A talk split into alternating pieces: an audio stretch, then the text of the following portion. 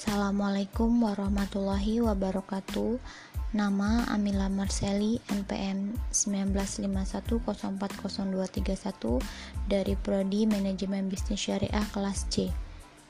Di sini saya akan menjelaskan tentang dampak keberadaan PT Privat di Papua. Satu, dampak terhadap lingkungan hidup. Menurut catatan Walhi, pada tahun 1997, hampir 30 tahun kerusakan alam yang ditimbulkan karena proyek pembangunan PT Freeport meluluh lantakan tanah dan hutan Papua. Pembangunan pabrik di puncak gunung Ensberg dan pembangunan rumah karyawan di Tembagapura dan pabrik di Kuala Kencana memerlukan tanah sekitar 100 hektar bisa dibayangkan kerusakan yang terjadi dengan penggusuran tanah dan hutan dan perumahan penduduk.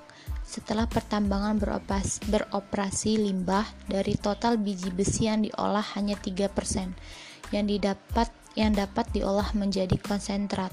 Kandungan tembaga emas dan perak sisanya 97% dibuang ke sungai berupa lumpur halus yang semakin lama memper mempengaruhi kualitas air sungai yang merupakan sumber kehidupan masyarakat adat Papua. Tanah masyarakat adat yang ditimpun atau tiling dilakukan penebangan hutan dan penggerukan tanah yang, di, yang digunakan PT Freeport untuk memperluas fasilitas perusahaan. Luas hutan yang telah ditimbun sekitar 56.001 hektar dan daerah aliran sungai juga tercemar tiling. Hal ini dikuatkan oleh pernyataan Kepala Balai Pengelolaan Daerah Sungai atau BPDS Membramo IR Insinyur Karyono bahwa kerusakan sungai-sungai yang ada di Papua sudah berada pada tingkat yang mengkhawatirkan dan kerusakan hutan diperkirakan mencapai 5 juta hektar dan 3 juta berada dalam keadaan kritis. Kerusakan lingkungan tanah hutan pada akhirnya juga menurunkan menurunkan kualitas hidup masyarakat adat.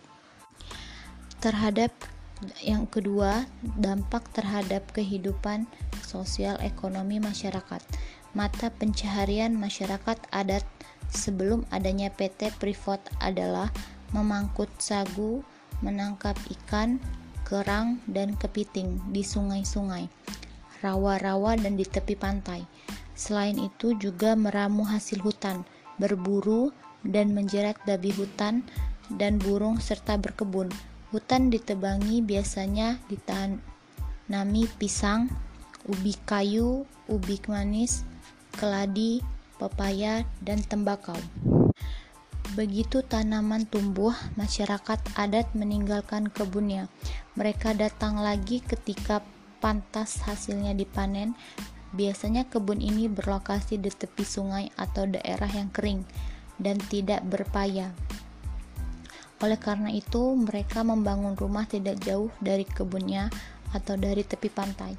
Hidup dari sagu sebagai makanan pokok sebagai lauknya dan sekali-kali memak memakan hasil kebun mengakibatkan mereka secara ber, secara tetap dan terus-menerus melakukan perpindahan dari hulu sungai atau tempat memangkur sagu ke muara sungai atau tempat menangkap ikan dan kebun-kebun mereka antara hulu dan muara sungai.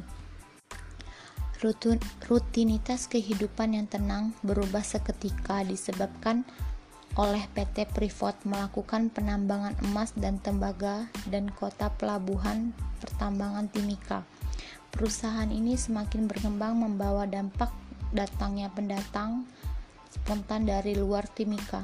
Bersamaan itu, bersamaan dengan itu, masuklah sistem ekonomi uang ke dalam kehidupan masyarakat adat terjadi perubahan pola konsumsi masyarakat adat atau suku Kamoro yang harus dipenuhi seperti halnya kaum pendatang, sementara kemampuan produktif mereka untuk dapat dipasarkan secara relatif dengan kemampuan sebelumnya.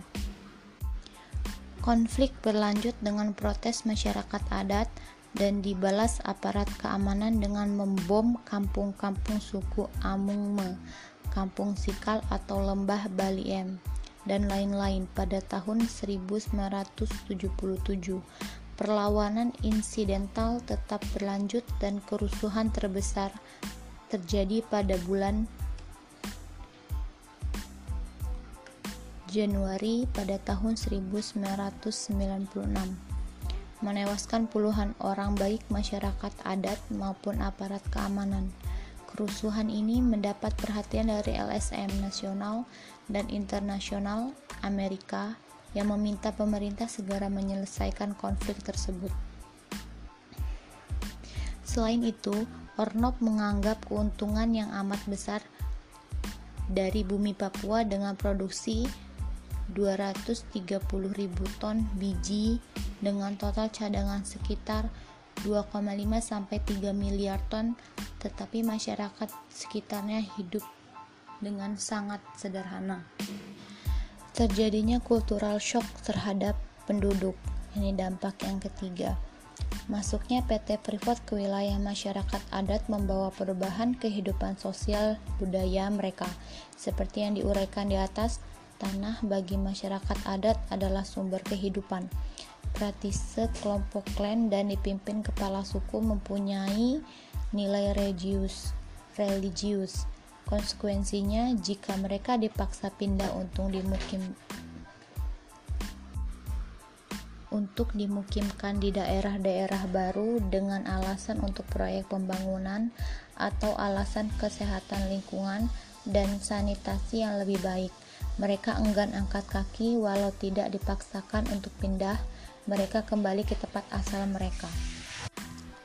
Dampak lainnya adalah satu tembaga yang dihamburkan dan pencemaran. Pengerukan dan pembuangan dilakukan tanpa pengolahan yang bersifat penghamburan tembaga dan pencemaran lingkungan. Lebih dari 3 miliar ton tailing dan lebih dari 4 miliar ton limbah batuan akan dihasilkan dari operasi privat sampai penutupan pada tahun 20 2041 secara keseluruhan Freeport menyia-nyiakan 53.000 ton tembaga per tahun yang dibuang ke sungai. Yang kedua air asam batuan atau acid rock drainage. Hampir semua limbah batuan dari tambang Grasberg berpotensi membentuk asam limbah Batuan ini dibuang ke sejumlah tempat di sekitar Gasberg dan menghasilkan ARD dengan tingkat keasaman tinggi. Yang ketiga, tingkat racun tiling dan dampak terhadap perairan. Sebagai besar kehidupan air tawar telah hancur akibat pencemaran dan perusakan habitat sepanjang daerah aliran sungai yang dimasuki tiling. Yang keempat, logam berat pada tanaman dan satwa liar. Tiling Freeport mengandung tingkat racun logam, selenium, timbal, arsetik, seng, mangan, dan tembaga yang secara signifikan lebih tinggi. Yang kelima, perusakan habitat muara. Tiling Sungai Freeport akan merusak hutan bakau seluas 21 sampai 63 km persegi akibat sedimentasi. Yang keenam, kontaminasi pada rantai makanan di muara. Logam dan tiling menyebabkan kontaminasi pada rantai makanan di muara Ajwa. Daerah yang dimasuki tiling privat menunjukkan kandungan logam berbahaya yang secara signifikan lebih tinggi dibanding dengan muara-muara terdekat yang tak terkena dampak dan dijadikan acuan.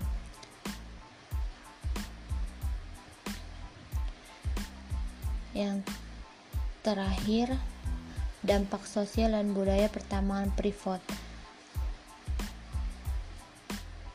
Hal ini dapat dilihat dari sisi kependudukannya.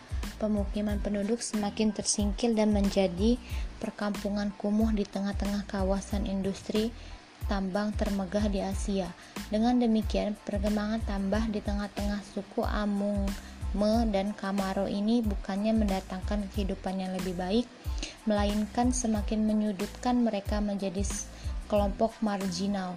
Hari ini semakin terdorong oleh semakin besarnya arus urbanisasi ke Timika dari daerah-daerah sekitarnya dan dari pulau lain di Indonesia, di mana kehidupan homogen di masa lalu seketika menghadapi tantangan dari luar dengan hadirnya berbagai suku dan bangsa yang masuk wilayah adat suku Amungme dan Kamaro. Dampak lainnya yaitu terjadi berbagai kasus pelanggaran HAM sebagai akibat protes masyarakat terhadap Freeport yang terkesan tidak memperhatikan kesejahteraan masyarakat adat suku Amungme dan Komoro yang disebut sebagai pemilik tanah, emas, tembaga, hutan yang kemudian dikuasai oleh pihak perusahaan. Dalam aksi protes, masyarakat selalu berhadapan dengan pihak aparat keamanan atau TNI Polri yang bertugas mengamankan, perusahaan, maka terjadilah pelanggaran hak asasi manusia. Kasus pelanggaran HAM di wilayah penambangan berlangsung cukup lama sejak hadirnya privat hingga kini. Sekian penjelasan dampak keberadaan privat di Indonesia, tepatnya di Papua dari saya. Saya akhiri. Wassalamualaikum warahmatullahi wabarakatuh.